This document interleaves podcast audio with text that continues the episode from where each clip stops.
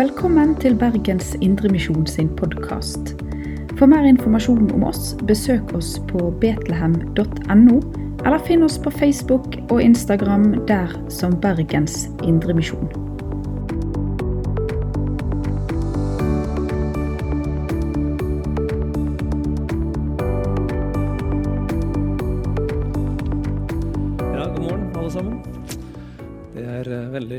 Se dere. Jeg, jeg var her i går kveld og sammen med ungdommene. eh, og Vi hadde en secret service hvor vi lot som vi var en undergrunnskirke. Det var skikkelig spennende. Eh, nå var det lenge siden jeg har vært her. Er det noen som husker det sist jeg var her? Er det noen som husker eh, Nei. Nei, det er helt greit. Jeg husker ikke dere heller, så det er greit. så det, er helt fint. Men nokså nylig har dere hatt fakkeltog her. Stemmer det? Ja. Og dere traff Batyr fra Turkmenistan. Veldig sterk eh, vitnesbyrd han har. Jeg husker da jeg begynte i Stefanusalliansen. Da het vi Norsk misjon i øst. Og da Jeg begynte i 2001, og to måneder etter jeg begynte, så kom min kollega inn til meg og sa Ed, vi må gjøre noe. Jeg var nettopp i Turkmenistan og traff noen uh, kristne. Da var Batyr og Sjokrat og noen andre. Vi satt i bilen og gråt. Og jeg så på eh, torturmerket de hadde. De hadde blitt innkalt til politi dag etter dag etter dag og torturert. Så med Guds hjelp så hjalp vi dem å komme og få, få eh, visum til å komme til Norge. Og nå har de vært her. Eller de bodde her, men nå bor han i Tyrkia og fortsetter i Guds tjeneste. Så det er helt fantastisk. Um, jeg hadde tenkt å lese fra 1. Korinterbrev 12 i dag. I dag er i tillegg til eh, farsdag Gratulerer, alle fedre. eh, er eh, International Day of Prayer for the Persecuted Church, eller Søndag for de forfulgte. Og vi som er samlet her, er sammen med hundretusenvis av andre menigheter i verden som står sammen med våre trossøsken. Andre søndagen i november hvert år så kommer folk rundt omkring i verden og står sammen med de som er forfulgt. Så dagens tekst. Eh, før jeg begynner eh, Hvis du har en bibel, legg den fra deg. Fint at dere følger med, det er veldig bra. Men eh, første korinterbrev er et brev. Vi glemmer det, vi, vi tenker det er Bibelen, og vi leser Bibelen. alle leser Bibelen. Men de første som hørte det, det var menigheten i Korint, hvor Paulus hadde vært. Han kjente dem, de kjente han. Og han skriver til dem et brev fra sitt, eh, fra, rett fra hjertet. Så lytt til ordene som om dere var menigheten i Korint, og hører første gang et brev fra en du er veldig glad i. Er det greit? Fint. Flott. Da skal vi se om jeg kan finne teksten. Der var den. Så begynner, jeg, jeg bryter opp kapittelet, men det er kapittel 12 for de dere som vil se på det senere. Det er helt fint. Eh, og det er eh, om eh, nådegavene og om en kropp. Og da har vi Paulus skriver slik kroppen er én, selv om den har mange lemmer, og alle lemmene utgjør én kropp, enda de er mange, slik er det også med Kristus. For med én ånd ble vi alle døpt til å være én kropp, enten vi er jøder eller grekere, slaver eller frie. Alle fikk én ånd å drikke. For kroppen består av, ikke av én kroppsdel, men av mange. Og Da hopper jeg ned til eh, vers 26. For om ett lem lider, lider alle de andre med. For om ett lem blir hedret, gleder alle de andre seg. Dere er Kristi kropp, og hver av dere et lem på ham.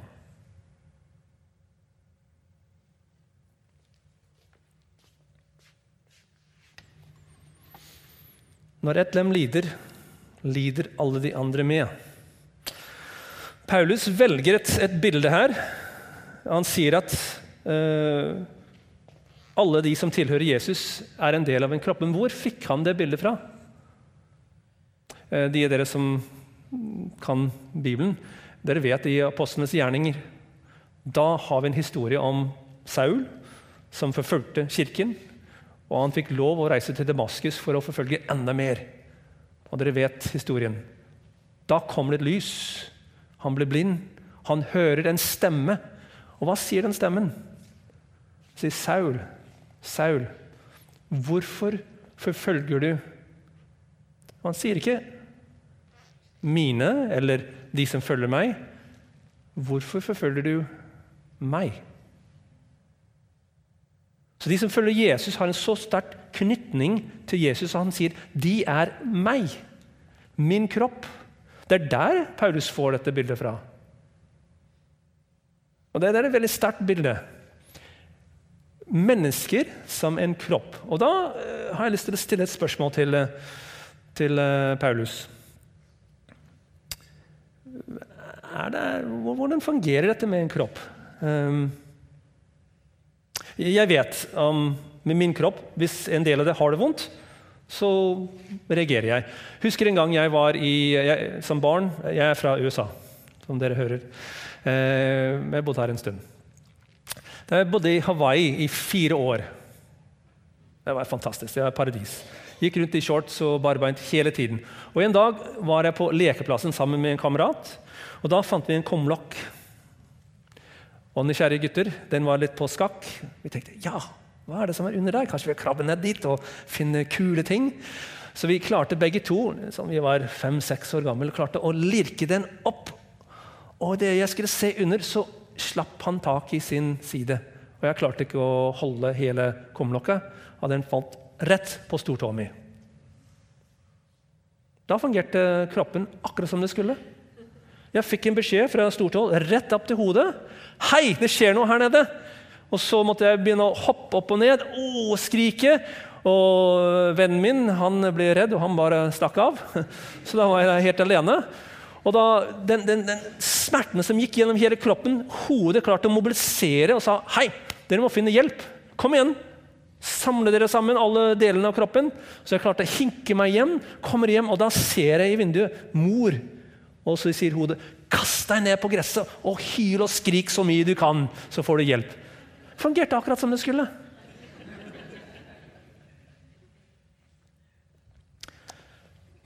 Men er det slik med Kristi legeme.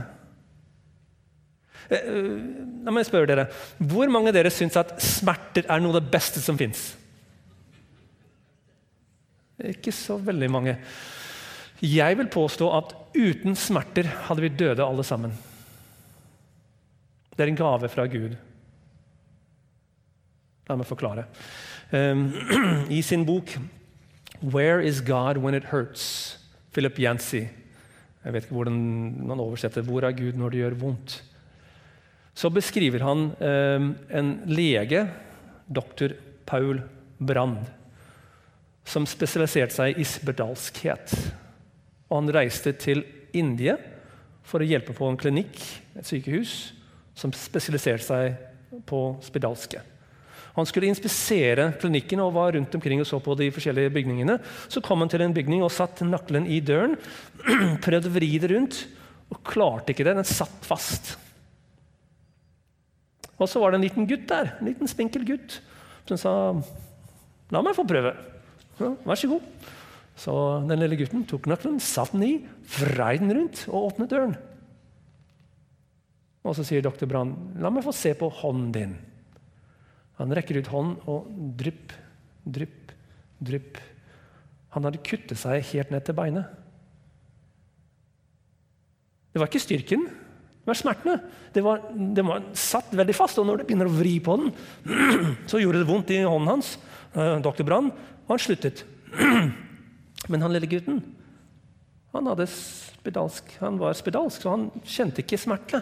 Det er en, en form for spedalskhet. Man mister følelser i fingrene og tær og neser og ører. og Det er derfor man ser eh, disse bildene fra folk som er uh, spedalske, at de har mistet sine fingre eller nese eller ører. Fordi de, de, kjenner ikke smerte, de skader seg selv. Og så blir det infeksjon, så må de amputeres. Er dere med?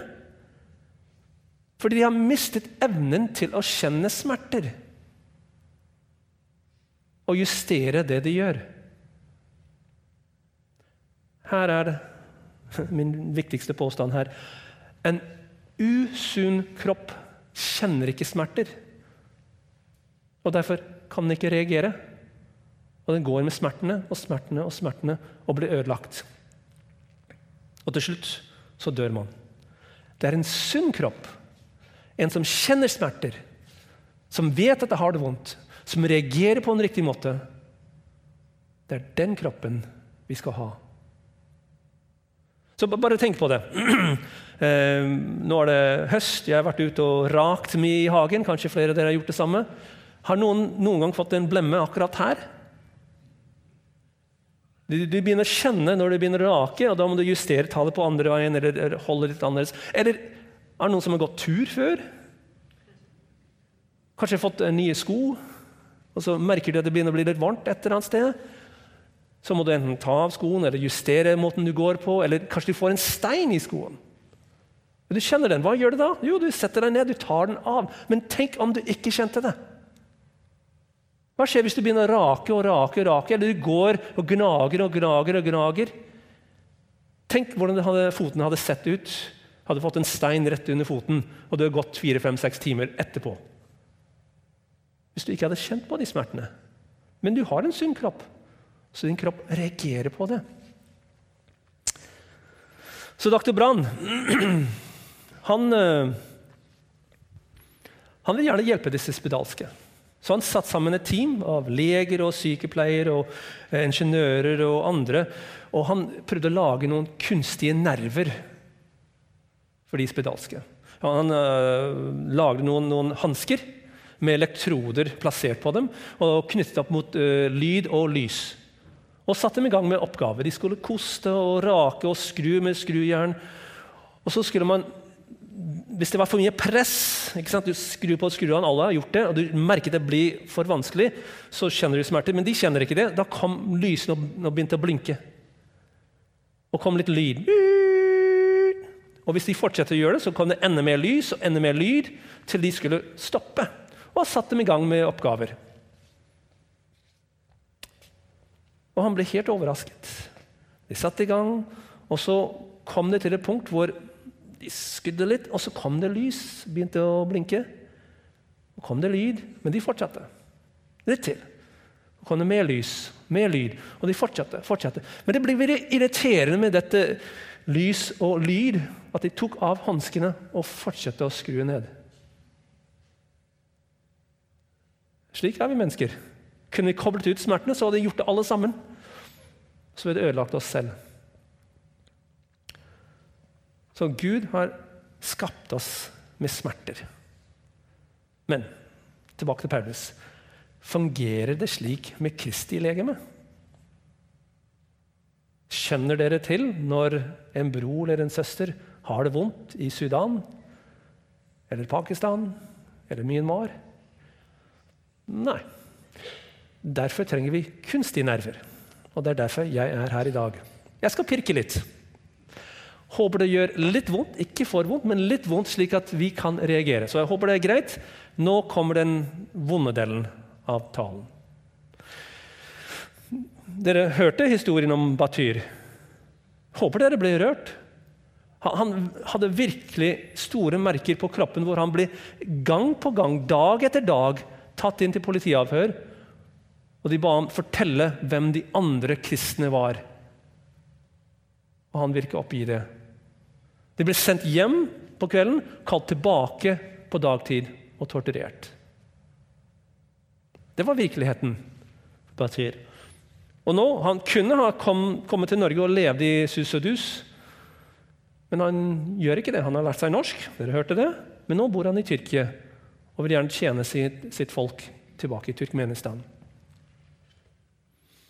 Og jeg vet ikke om han fortalte, men eh, han ringte meg.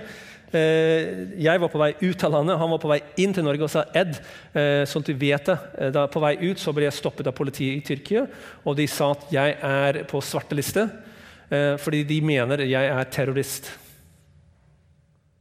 Det de mener, er at han tilhører en protestantisk menighet, og det er for dem å være en terrorist.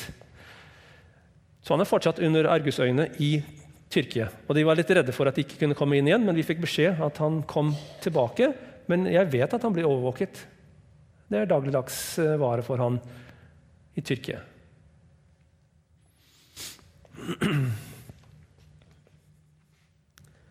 Eller jeg tenker eh, For uh, tre år siden så sto jeg i Nord-Irak, ikke så langt midt imellom eh, Dohuk og Erbil. Og Da står jeg opp på fjellside på en, en, kloster som er en av verdens eldste klostre. Og den har vært eh, en levende kloster eh, i, eh, siden 300-tallet. Jeg sto sammen med de åtte munkene som er igjen. De har ikke vært der siden 300-tallet, men, men de, eh, de, er der nå og bevarer klosteret. Og det, det er et sånn kristent område. Og så sier han ene Der! Ser du der nede hvor veiene krysses? Da så vi at IS kom. Og De var på vei gjennom landsbyen, for de skulle angripe landsbyen. Men det første de skulle gjøre, var å angripe oss. Fordi det er vi som er navet i landsbyen. De kommer til oss når de trenger hjelp og trenger forbønn og trenger andre ting. Så Det første de hadde gjort, var å komme hit og drepe oss. Vi så at persmerge, den kurdiske motstandsgruppen, kom gående. Vi visste ikke rekker de nok i tid før de kommer hit. Eller hvis de rekker det i tid, klarer de å bekjempe dem? Så vi hadde et valg. Vi følte vi er kalt til å tjene dette folket. Det er her Gud har plassert oss. Men vi klarer å rømme. Vi klarer å komme oss vekk før IS kommer hit og berge våre egne liver. Vi valgte å bli. Heldigvis, med Guds nåde, så ble IS bekjempet. Men jeg satt der med stikk i hjertet og tenkte hva hadde jeg gjort?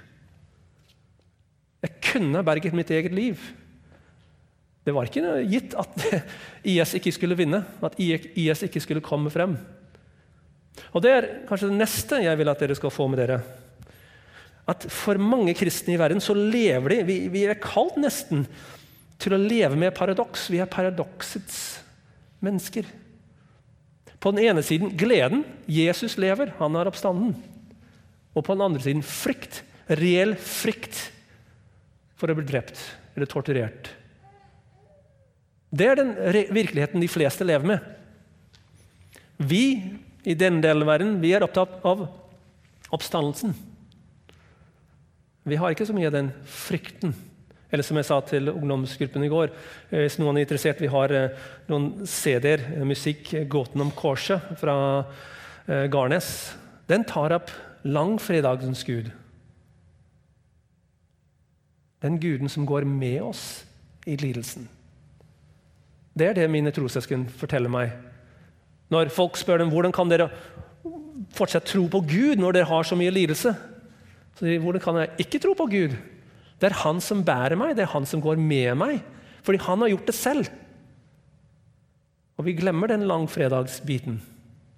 Vi hopper rett til oppstandelse. Det er en fin, det er happy ending der. Men vi må ikke miste den biten. Eller Jeg tenker, jeg eh, fortalte gruppen i går kveld om pastor Josef, som jeg traff for noen år siden i eh, India. Ehm, jeg hadde foredrag for en gruppe kirkeledere. og så Etterpå kom han opp til meg og begynte å fortelle meg om sin egen historie. som eh, Halvannen måned tidligere så var han og forrettet gudstjeneste, akkurat som dette her.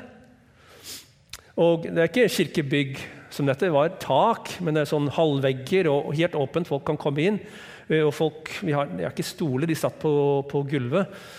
Og de var nesten ferdig med gudstjeneste. De skulle, han skulle forrette um, nattverd. Og så Han kommer ned, og så kommer det en mann inn bakfra og skriker og roper at du må stanse dette. Du, du tvinger disse menneskene til å bli konvertere til kristendommen. Uh, og han, han ser, Pastor Josef ser at han er uh, noe feil med mannen.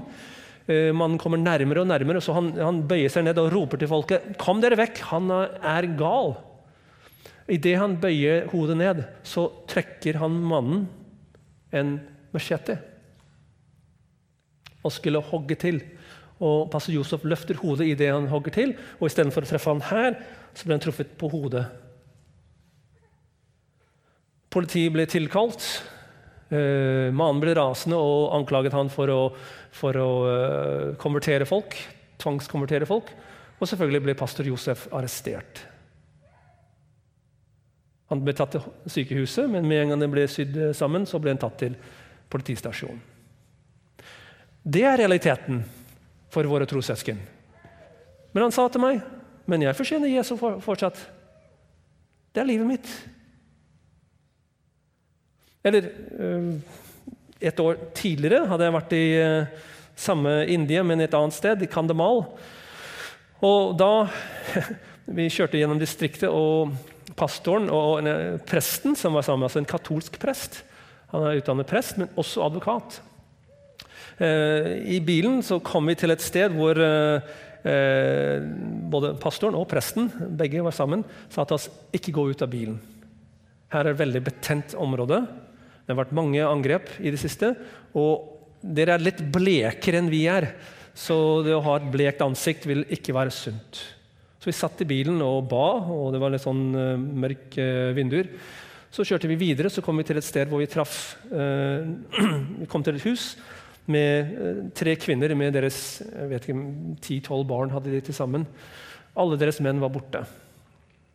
Og det som har skjedd, Hun ene fortalte at det var en episode hvor en, en eh, hindu leder hadde blitt uh, drept. Det var maoistene, kommunistene, som tok uh, ansvar for det. Det var de som gjorde det, Men de kristne ble anklaget. Og Da var det slik at uh, nesten hver kveld et, en eller annen landsby ble angrepet, og de unge, radikale hindunasjonalister de vil gå til landsbyen, kappe ned trær og felle dem over veien det var én eller to veier inn og ut, eller rullestore steiner, for at folk ikke kunne rømme med bil. Og da gikk de til action og begynte å angripe. De hadde markert hus, hinduhus, ikke gjør noe, kristenhus, angrip. Og Hun ene fortalte om de kom til huset mitt, banka på døren, og da står de der, rasende, og ber mannen min komme ut. Så begynner de å slå han og sier du var hindu, du må komme tilbake og bli hindu nå. Og så sier han men jeg har tjent Jesus i nesten 30 år. Hvordan kan jeg, hvordan kan jeg forlate han nå? Det kan jeg ikke. Og begynte å slå og sparke, og han falt ned på bakken. og De sparket han og slo han med, med, stang. Og Hans egen mor kom ut, og så sier hun, kvinnen jeg sto der med mine barn rundt meg og kunne ikke gjøre noen ting. Og hans mor kommer ut og begynner å skrike til dem, og de begynner å slå henne. Og når begge blir liggende bevisstløse, så blir det helt parafin på dem og tent på. Og det er slik jeg mistet mannen min. Det er realiteten i India i dag. Det er det landet hvor jeg får flest eh, nyhetsmeldinger om angrep mot kristne og muslimer. Det er en veldig sterk hindunasjonalistisk bevegelse.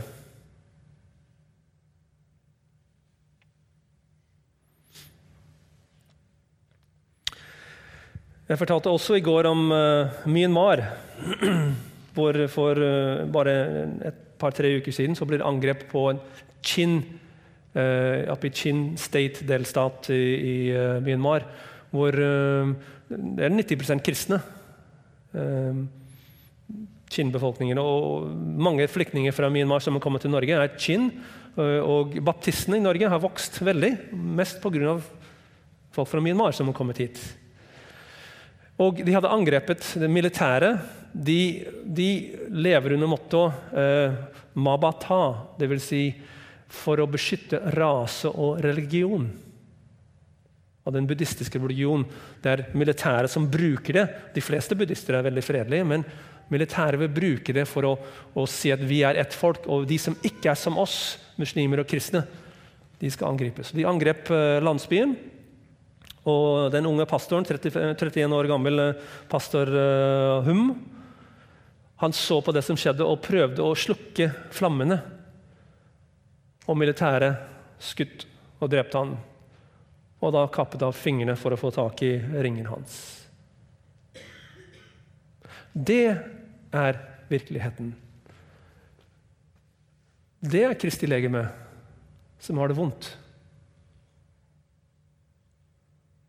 Og jeg tipper på at de fleste av dere ikke visste om det.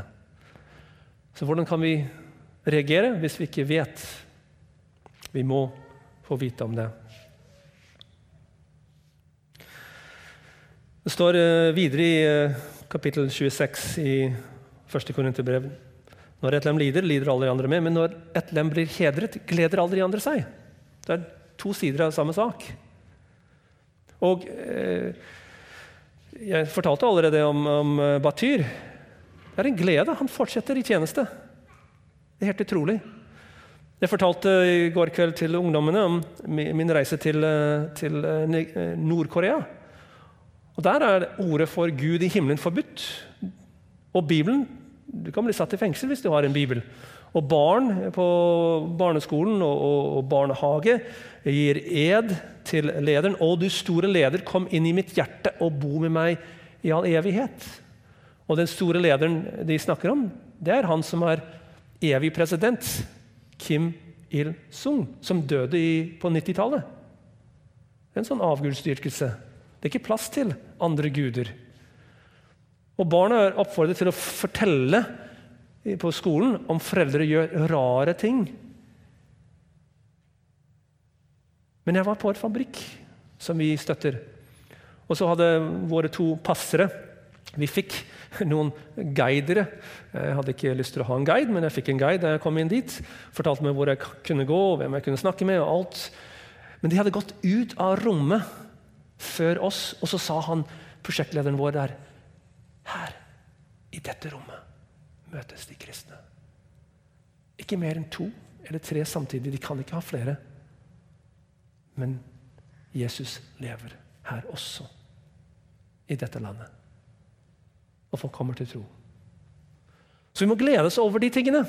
Vi må både ta inn over oss når vi har det vondt, men også glede oss, glede oss når disse tingene skjer. Men jeg beklager at jeg måtte pirke litt. Håper det gjorde vondt, ikke for vondt.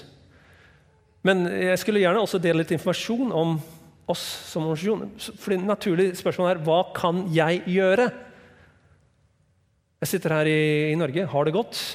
Kanskje får vi litt mobbing, og kanskje vi får folk som ser litt annerledes ut, eh, ser litt på oss som litt annerledes. Vi er et annerledes folk, eh, sang vi. Men det er ikke det samme som å bli banket opp eller bli redd for å bli satt i fengsel. Men hva kan vi gjøre? Nummer én Glad for at dere spør. Eh, vi har et blad, og sikkert flere av dere som har blad allerede. Ja. Eh, flere som ligger der borte. Men den koster ingenting. Den kommer ut syv ganger i året. Da får du informasjon om disse sakene. Om det som skjer i Chin State eller i Nord-Korea. Skaff deg informasjon om hva som skjer. Og jeg har lagt ut eh, noen skjemaer som du kan skrive inn navn og adresse og så krysse av 'Jeg vil ha magasinet Steffenus'. Da kommer det rett i posten. Oppfordrer alle.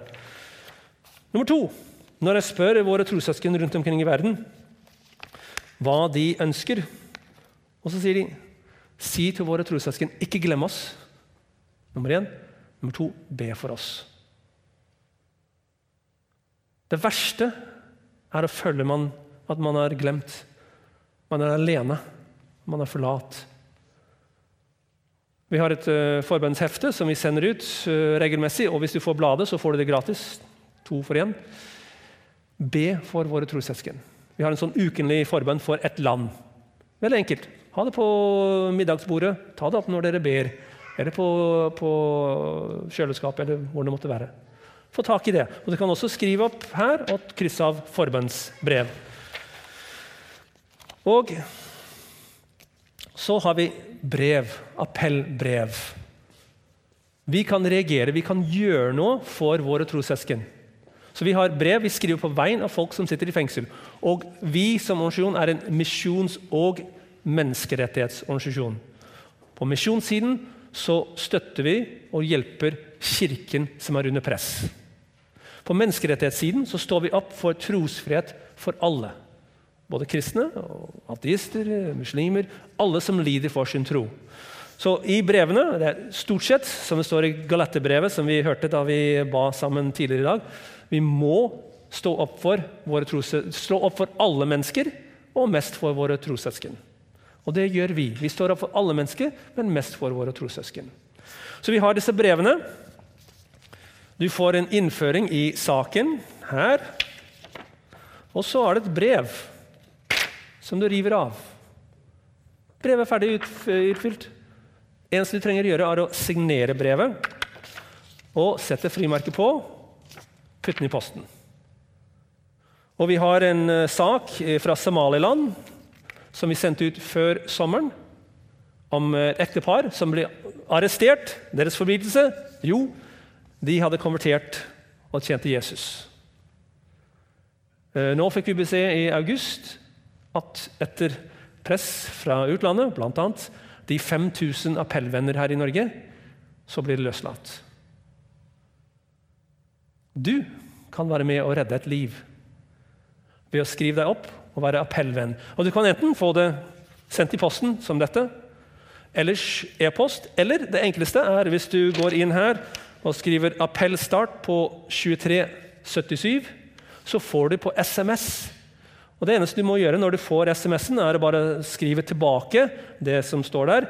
Og Da blir det produsert et brev på trykkeriet og sendt av gårde. Vi har funnet ut at Det er bedre å sende 5000 brev enn det er å sende ett brev med 5000 signaturer. Der legger mye mer press å dumpe inn på ambassadørens eller justisministerens kontor 5000 brev. Og får det på det sterkeste at den sunne kroppen, Betlehem menighet i Bergen, reagerer når kroppen har det vondt. Og en måte å gjøre det på er å skaffe informasjon, be og sende disse brevene. Takk. Du har lytta til Bergens Indremisjon sin podkast. For mer informasjon om oss, besøk oss på betlehem.no, eller finn oss på Facebook og Instagram der som Bergens Indremisjon.